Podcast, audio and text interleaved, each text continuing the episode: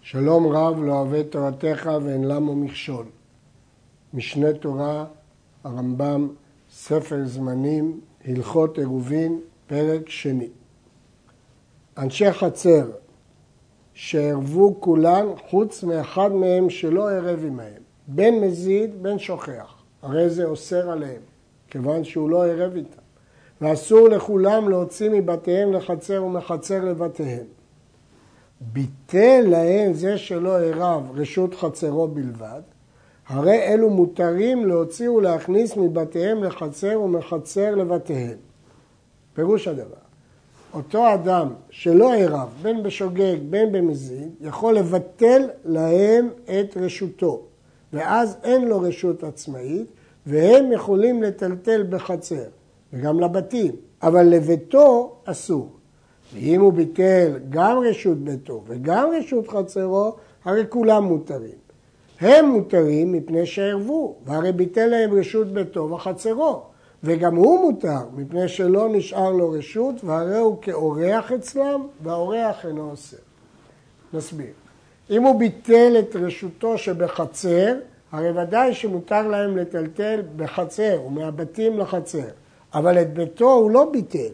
ואם הוא לא ביטל את ביתו, הרי בבית שלו אי אפשר לטלטל. וכתבו הפוסקים שהוא צריך לנעול את ביתו, כדי שיהיה היכר שאסור לו לטלטל.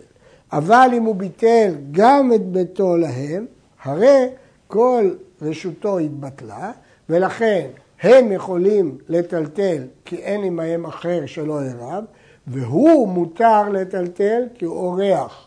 אורח זה יחיד אצל רבים, יכול לטלטל מדין אורח. ב. המבטל רשות סתם, רשותו סתם, רשות חצרו ביטל, רשות ביתו לא ביטל. הוא צריך לבטל בפירוש גם את החצר וגם את הבית. והמבטל רשותו לבני חצר, צריך לבטל לכל אחד ואחד בפירוש. אומר, רשותי מבוטלת לך ולך ולך, והיורש מבטל רשות. אף על פי שמת מורישו בשבת, שהיורש תחת מורישו הוא קם לכל דבר. וביטול רשות בשבת מותר לכתחילה. נראה את ארבעת הדינים שלמדנו בהלכה ב'. הדין הראשון, צריך לבטל בפירוש גם את החצר וגם את הבית. הדין השני, הוא צריך לבטל בפירוש לכל אחד ואחד, לומר לך ולך ולך. אה, מדברי רש"י משמע שאם כולם עומדים לפניו והוא אומר רשותי מבוטלת לכולכם, זה נקרא בפירוש. הרמב"ם לא הזכיר מקרה כזה, וקשה לדעת את דבריו. הדין השלישי שלמדנו בהלכה הזאת, יורש מבטל רשות, שהרי הוא ירש את נכסיו של מורישו, ולכן הוא יכול לבטל. הדין הרביעי, ביטול רשות בשבת מותר לכתחילה. זה לא נקרא קניין שאסור לעשות אותו בשבת, זה ביטול רשות, אנחנו נראה אחר כך שבעורבי תחומים זה דין אחר, כי שם קונים בית. פה זה לא ממש קניין, זה ביטול רשות וזה מותר לכתחילה. ביטלו אלו המערבים רשותם לזה שלא ערב, הוא מותר שהרי נשאר לבדו, והם אסורים שלא נשאר להם רשות. ואין אומרים יהיו כאורחים אצלו, שאין רבים אורחים אצל אחד. אנחנו הצענו שהיחיד יבטל את רשותו לרבים, ואז כולם מעורבים והוא אורח אצלם. אבל אם הם יבטלו את רשותם לו, כל החצר שייכת לו, הוא יכול לטלטל, כי אין עמו אחרים. אבל הם אינם יכולים לטלטל, ולא נדון אותם כאורחים, כי אין רבים אורחים אצל אחד. היו אלו שלא ערבו, שניים או יותר, אם ערבו רשותם, אם ביטלו רשותם למערבים, המערבים מותרים, ואלו שלא ערבו אסורים. אם לא אחד לא ערב, כמו בהלכות הקודמות, אלא שניים לא ערבו, שוב, הם יכולים לבטל את רשותם לשאר, ואז המערבים מותרים. ומה איתם? מה עם השניים האלה שביטלו את רשותם? אסורים. הם לא יכולים להיחשב כאורחים. ואין המערבים יכולים לבטל רשותם לשניים שלא ערבו, שכל אחד מהם אוסר על חברו. ואפילו חזר האחד שלא ערב וביטל רשות לשני שלא ערב, הרי זה אסור, שבשעה שביטלו לו מערבים, אסור היה. אחד שערב אינו מבטל רשותו לאחד שלא ערב, אבל האחד שלא ערב מבטל רשותו לאחד שערב. אם כן, למדנו שאם אלה שלא ערבו הם שניים, אם ביטלו רשותם למערבים, המערבים מותרים, ואלו שלא ערבו אסורים. עכשיו צריך לדון. ביטלו רשותם המערבים, אמרנו שהמערבים מותרים. למדנו את דין אורח, למדנו שיחיד יכול להיות אורח אצל רבים, אבל רבים לא יכולים להיות אורח, לא אצל, אורחים לא אצל יחיד ולא אצל רבים, וגם יחיד לא יכול להיות אורח אצל יחיד. כך כותב הרשב"א. כשם שבעל בית זה מבטל לבעל בית זה רשותו בחצר אחת, כך מבטלים מחצר לחצר ומבטלים וחוזרים ומבטלים. כיצד? שניים ששוהים בחצר ולא ערבו. אחד מהם מבטל רשותו לשני, ונמצא השני מטלטל ברשותו שביטל לו חברו עד שיעשה צרכיו. אבל הראשון אסור, כי הוא לא נקרא אורח, אין אחד אורח אצל אחד. אחרי זמן חוזר השני ומבטל רשותו לראשון, ומטלטל הראשון ברשותו שביטל לו, וכן כמה פעמים. ובכן, יש לנו שתי חצרות או שני בתים, אפשר לבטל מחצר לחצר ואפשר לבטל מבית לבית. אבל, אומר הרמב"ם, לא רק שאפשר לבטל פעם אחת, אפשר לעשות כמה פעמים ביטול, ולכן, אם יש שניים שלא ערבו, ושניהם רוצים לטלטל בחצר, הרי שבשעה הראשונה ראובן יבטל לשמעון, ואז שמעון גר לבד, יכול לטלטל, וראובן אסור. אחרי שעה שמעון יבטל לראובן, ועכשיו ראובן יוכל לטלטל ושמעון אסור. אחרי שעה יכול לחזור ראובן ולבטל לשמעון, ואז שמעון יטלטל וראובן אסור, וכך שניהם יעשו את כל צורכיהם.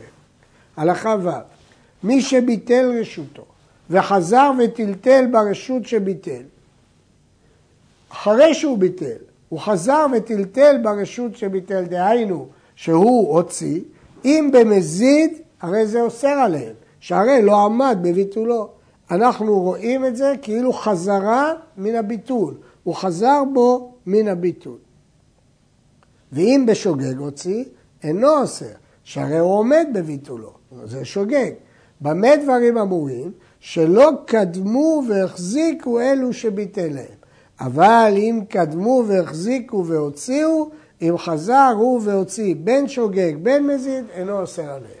אדם שביטל והוציא וטלטל, עצם הטלטול, הוא חזר בו מביטולו. אבל אם הם כבר החזיקו, הרי שעכשיו הביטול שלו תפס, ואם כן, הוא לא יכול לחזור בו מביטולו. הלכה ז' שני בתים בשני צידי רשות הרבים והקיפום גויים מחיצה בשבת. אין מבטלין זה לזה, הואיל ואי אפשר להם לערב מאמש. הרי בין השמשות היה, הייתה רשות הרבים ביניהם, הם לא יכלו לטלטל ולערב. אז למרות שעכשיו הקיפו אותם גויים מחיצה, אבל כיוון שבין השמשות לא יוכלו לערב, אז גם לא יכולים לבטל. אחד מבני חצר שמת והניח רשותו לאחד מן השוק, אם מת מבעוד יום, הרי היורש שאינו מבני החצר אוסר עליהם, כי עכשיו יש לו רשות בחצר, למרות שהוא לא גר בחצר, אבל יש לו רשות בחצר. אבל אם מת משחשיכה, אינו אוסר עליהם. מדוע? כיוון שבכניסת השבת כולם ערבו, ולכן אה, לא אכפת לי שאחרי כניסת השבת הוא מת. יש להעיר שדעת הרשב"א, דווקא כשבא היורש ודר עמהם בשבת, אבל אם הוא לא בא, הוא לא אוסר. הרמב"ם לא הזכיר את זה, שהיורש בא, אבל כך כותב הרשב"א. נמשיך את ההלכה השנייה. אחד מן השוק שמת הוא לא, לא גר איתם בכלל בחצר. והניח רשותו לאחד מבני החצר. הייתה לו רשות בחצר, אבל הוא לא גר בה. עכשיו הוא מת והניח רשותו לאחד מבני החצר. אם מבעוד יום מת, אינו אוסר, שהרי כולם מעורבים. כיוון שהם עשו עירוב כל בני החצר, העירוב תופס בכניסת השבת, ובכניסת השבת כל הנכסים שלו היו מעורבים, כולל הנכסים שהוא הספיק לרשת. אבל אם מי שמת, אם מת מי שחשיכה, אוסר עליהם, כי עכשיו אחרי כניסת השבת הוא ירש נכס חדש, והנכס הזה הוא לא ערב עליו. מה הפתרון? עד שיבטל להם רשות. הוא חייב לבטל, ואז הם מותרים, והוא מותר מדין אורח של יחיד אצל רבים. ישראל וגר ששרויים במערה אחת, ומת הגר מבעוד יום. מה מיוחד בגר? שאין לו יורשים. ואם כן, הגר מת, והחלק שלו, מה איתו? אף על פי שלא יחזיק ישראל אחר בנכסיו עד שחשיכה, ולכאורה בכניסת השבת היה פה רק יהודי אחד, הרי זה המחזיק אוסר עד שיבטל, שהרי הוא כיורש. אני רואה את הישראל כאילו הוא יורש. ואם מת הגר משחשיכה, אף על פי שהחזיק ישראל בנכסיו, אינו אוסר עליו, אלא בהיתרו הראשון הוא עומד. לכן יש פה חידוש גדול, שאנחנו אומרים שהמחזיק אוסר כדינו כיורש, למרות שהוא עוד לא החזיק. אנחנו רואים אותו כאילו יורש. ט. ישראל הדר עם הנוכרי או עם גר תושב בחצר, אינו אוסר עליו, שדירת הגוי אינה דירה. אנחנו לא מחשיבים את דירת הגוי לאוסרת ולא למצריכה עירוב. ואם היו שני ישראלים או יותר וגוי שוכן עמהם, הרי זה אוסר עליהם. מדוע? הרי אמרנו שדירת הגוי היא איננה דירה. אז אם דירת הגוי איננה דירה, מדוע הוא אוסר, הם, אוסר עליהם כאשר הם שניים? דבר זה גזרה. בעצם זה לא מהלכות עירוב. המטרה היא אחרת לגמרי. כדי שלא ישכנו גוי עמהם, שלא ילמדו ממעשיו. חכמים לא רצו ששני יהודים יגורו עם גוי כדי שלא ילמדו ממעשיו. כדי למנוע את המצב הזה, הם אסרו להם לטלטל, ועל ידי כך לא יהיה להם נוח לגור עם הגוי. ואם כן, למה לא גזרנו ביהודי אחד וגוי אחד? בישראל אחד וגוי אחד לא גזרו. למה? מפני שאינו דבר מצוי, שהרי יפחד שמא יתייחד עמו ויהרגנו, כבר אסרו להתייחד עם הגוי. חכמים אסרו ליהודי להיות לבד עם גוי, מתוך חשש סכנה, ואם כן, אין אה, סיכון ואין צורך לגזור ביהודי שגר עם גוי שיהיה אסור לטלטל. לכן שם לא הצליחו אירוע. אבל בשני ישראלים וגוי, שמרגישים ביטחון ומוכנים לגור אל הגוי, ואז יש חשש תרבותי, רוחני, שהם ילמדו ממעשיו, פה גזרו ואסרו עליהם לטלטל. ואם כן, מה התקנה? שני ישראלים וגוי השוכנים בחצר אחת, והרבו הישראלים לעצמם, לא הועיל כלום, כי יש גוי שהגוי אוסר עליהם. וכן אם ביטלו לגוי או ביטל להם, או ביטלו הישראלים זה לזה, ונעשה כיחיד עם הגוי, לא הועילו כלום, שאין עירוב מועיל במקום גוי ואין ביטול רשות מועיל במקום גוי. הרמב"ם שואל, אם עירוב לא מועיל, ואם הם אוסרים זה על זה, מדוע שהגוי לא יבטל להם את רשותו? או מדוע שהם לא יבטלו לגוי? או מדוע שאחד לא יבטל לשני? התשובה היא, כשם שתקנו שעירוב לא מועיל, כך תקנו שגם ביטול לא מועיל. ואם כן, מהי התקנה? אין להם תקנה אלא שיזכרו ממנו רשותו. ויעשה הגוי כי הוא לא אורח עמהם. וכן אם היו גויים רבים, למרות שאמרנו שאין רבים אורחים, אבל מזכירים רשותם לישראלים. על ידי שהם מזכירים, הם נחשבים אורחים, והישראלים מערבים ומותרים. וישראל אחד ששכר מן הגוי מערב עם שאר הישראלים ויותרו כולם, אין כל אחד ואחד צריך לזכור מן הגוי. אין צורך שכולם יזכרו מן הגוי, מספיק אחד יזכור מן הגוי, ואז הגוי הוא כאילו אורח כאן, והישראלי יערב עם שאר הישראלים. יש לומר פה את דברי הביאור הלכה, שמה שאמרנו ששכירות ולא מתנה, משמע שגם מתנה אינו מועילה, הכוונה במתנה גרועה, בלי קניין, בלי כתיבה, אבל אם זו מתנה טובה וגמורה, פשיטא שהיא תועיל. מה עושים היום? שיש הרבה גויים בינינו. יש שולחן ערוך, אורח חיים, שכותב, אבל במקום שכל צורכי העיר אינם נעשים אלא על פי השר או הממונה, ודאי ששכירות מהשר ההוא מועילה. ובכן, מה שנהגו, שלקחו, אה, קנו, שכרו, לא מכל הגויים שבעיר, כי זה דבר קשה מאוד, אלא מהממונה עליהם. מה עושים במדינת ישראל? יש כמה דעות, יש אה, חוקקו חוק מיוחד לצורך זה או בדרכים אחרות, כי הבעיה היא בעיה קשה, שכל מגורי גויים אוסרים את העירוב אה, ומחפשים כמה וכמה תקנות לזה, יאוין באחרונים.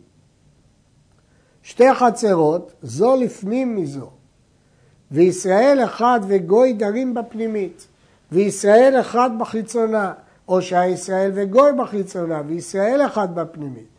האם נדון את זה כיהודי אחד וגוי אחד שהוא לא אוסר עליו, או כשני גויים וישראלי? הרי זה אוסר על החיצונה, עד שיזכור ממנו שרגלי שני ישראלים וגוי מצויים שם, והפנימי מותר בפנימי. מסביר הרמב"ם, הפנימית עוברים דרך החיצונה, אבל החיצוניים כדי להגיע לרחוב לא עוברים דרך הפנימית, ולכן לגבי החצר החיצונה אנחנו מתחשבים בכל מי שעובר שם. אז יש שם שני ישראלים וגוי. שני ישראלים וגוי אסורים לטלטל כפי שלמדנו. אבל לגבי הפנימית יש שם רק יהודי אחד. ואפילו אם יהיה יהודי אחד וגוי אחד, אי אפשר לצרף את היהודי שבחיצונה, כי החיצוני אין לו צורך להיכנס לפנימית, יש לו יציאה לרשות הרבים לבד, ולכן זה כמו ישראלי אחד וגוי אחד שלא צריכים לערב. שוכרים מן הגוי אפילו בשבת, שהשכירות כביטול רשות היא, למרות שאמרנו שאי אפשר לבטל רשות, אבל השכירות היא לא שכירות ודאית, אלא היכר בלבד. הגמרא קוראת לזה שכירות רעועה. אז לכן מותר לעשות את זה בשבת, למרות שלא מקנים קניינים בשבת. לפיכך, בגלל שאמרנו שזו שכירות רעועה רק משום היכר, שוכרים מנהגו אפילו בפחות משווה פרוטה. למרות שבדרך כלל אין קניין בפחות משווה פרוטה. כאן זה מועיל, כי זה רק היכר. ואשתו של הגוי מזכרת שלא מדעתו, וכן שכירו או שמשו מזכירים שלא מדעתו. ואפילו היה שכירו או שמשו ישראלי, הרי זה מזכיר שלא מדעתו. למה? כי השכירות הזאת היא רק היכר. ועוד כולה, שאל מן הגוי מקום להניח בו חפצה והשאילו, הרי נשתתף עמו ברשותו ומזכיר שלא מדעתו. כמובן כל הדברים האלה הם כולות גדולות, במקרה שקשה לזכור מהגוי בעצמו, לזכור משמש או עוזר שלו, או אפילו ישראלי ששותף איתו וכדומה. היו לגוי שני שכירים, או שמשים או נשים רבות, אם הזכיר אחד מהם, דיו, כי השכירות הזאת, אמרנו שהיא שכירות קלה, לא צריך לכתוב, לא צריך לעשות קניינים, ויש גם דעה של ההגהות מימוניות, שלא צריך כל שבת, אלא די בפעם אחת לכמה שנים. אז אם כן, יש פה קולות רבות, פחות משווה פרוטה, אחת לכמה שנים, שוכרים אפילו בשבת, אפשר לזכור מאיש טוב ומפועל שלו אפילו שלא לדעתו. שני ישראלים וגוי הדרים בחצר אחת, ושכרו מן הגוי בשבת, כפי שהם היו צריכים כדי לטלטל, חוזר האחד ומבטל רשותו לשני, הוא מותר. וכן אם מת הגוי בשבת, ואז יש שני ישראלים, מבטל הישראלי לישראל אחר ויהיה מותר לטלטל, כי אצל ישראלים יכולים לבטל אחד לשני.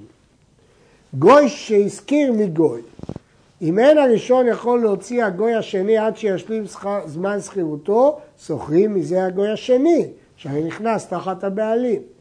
לא לבעל הבית, אלא לסוחר שלו. אבל אם יש רשות לראשון להוציא את הגוי הסוחר ממנו בכל עת שירצה, אם לא היה השני עומד ושכרו הישראל מן הראשון, הרי אלו מותרים. כלומר, הם צריכים לזכור מהשני, אבל סוף סוף, כיוון שהראשון הוא בעל הבית, אפשר לזכור ממנו. וגם, אם הוא מתיר לו אה, להניח חפציו שם וכדומה. חצר, שישראלים וגוי שרויים בה, והיו חלונות פתוחות מבית ישראלי זה לבית ישראלי זה, ועשו עירוב דרך חלונות. דהיינו, הם רצו לנטרל את הגוי. ולעשות עירוב מבית של יהודי לבית של יהודי דרך פתח שנמצא ביניהם. אף על פי שהם מותרים להוציא מבית לבית דרך חלונות, כי הם בעצמם ערבו, הרי הם אסורים להוציא מבית לבית דרך פתחים מפני הגוי עד שיזכיר, שאין רבים נעשים בעירוב כיחיד מפני הגוי. כלומר, יש פה שניים עם גוי, שניים עם גוי אסורים לטלטל עד שיזכרו ממנו, אבל הם לא מצליחים לזכור ממנו, הוא לא מוכן להזכיר. מה יעשו? אם יש חלון ביניהם, יערבו דרך החלון ואז הם יכולים לטלטל ביניהם דרך החלון, אבל לא דרך הפתחים. ט"ז ישראל שהוא מחלל שבת בפרהסיה או שהוא עובד עבודה זרה, הרי זה כגוי לכל דבריו ואין מערבים בו ואינו מבטל אלא סוחרים ממנו כגוי. לכן יש פה בעיה קשה, יהודי שמחלל שבת בפרהסיה לעניין עירוב מקבל דין של גוי ואז אם שני ישראלים גרים איתו אי אפשר לערב, אי אפשר לבטל, רק לזכור ממנו כמו ששוכרים מגוי.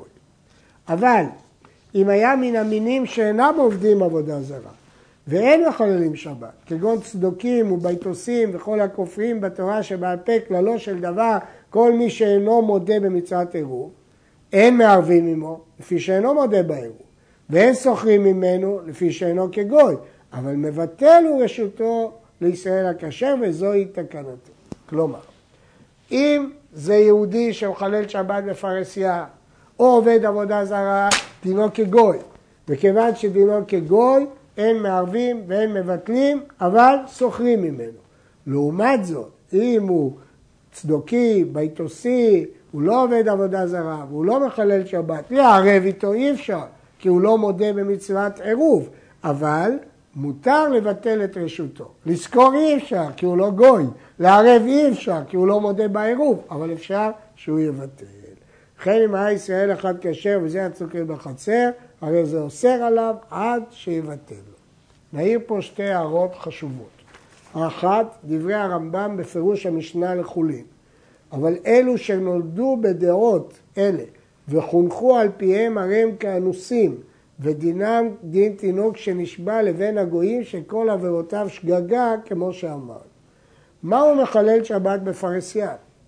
הגאות מימוניות כותב שאפילו באיסור רבנן. אה, הגאות מימוניות סובר שכמה שבתות, אבל מהרמב"ם בפירוש המשנה לחולין משמע שאפילו שבת אחת. הערה שנייה, הרמב"ם כותב בתשובה שהוא לומד מההלכה שלנו שלגבי קראים, שכל דבר שהם לא מודים בו, אנחנו לא יכולים להצטרף עליהם, כמו בעירוב. ולכן אי אפשר לתת להם להשלים מניין, כי הם לא מודים בדבר שבקדושה.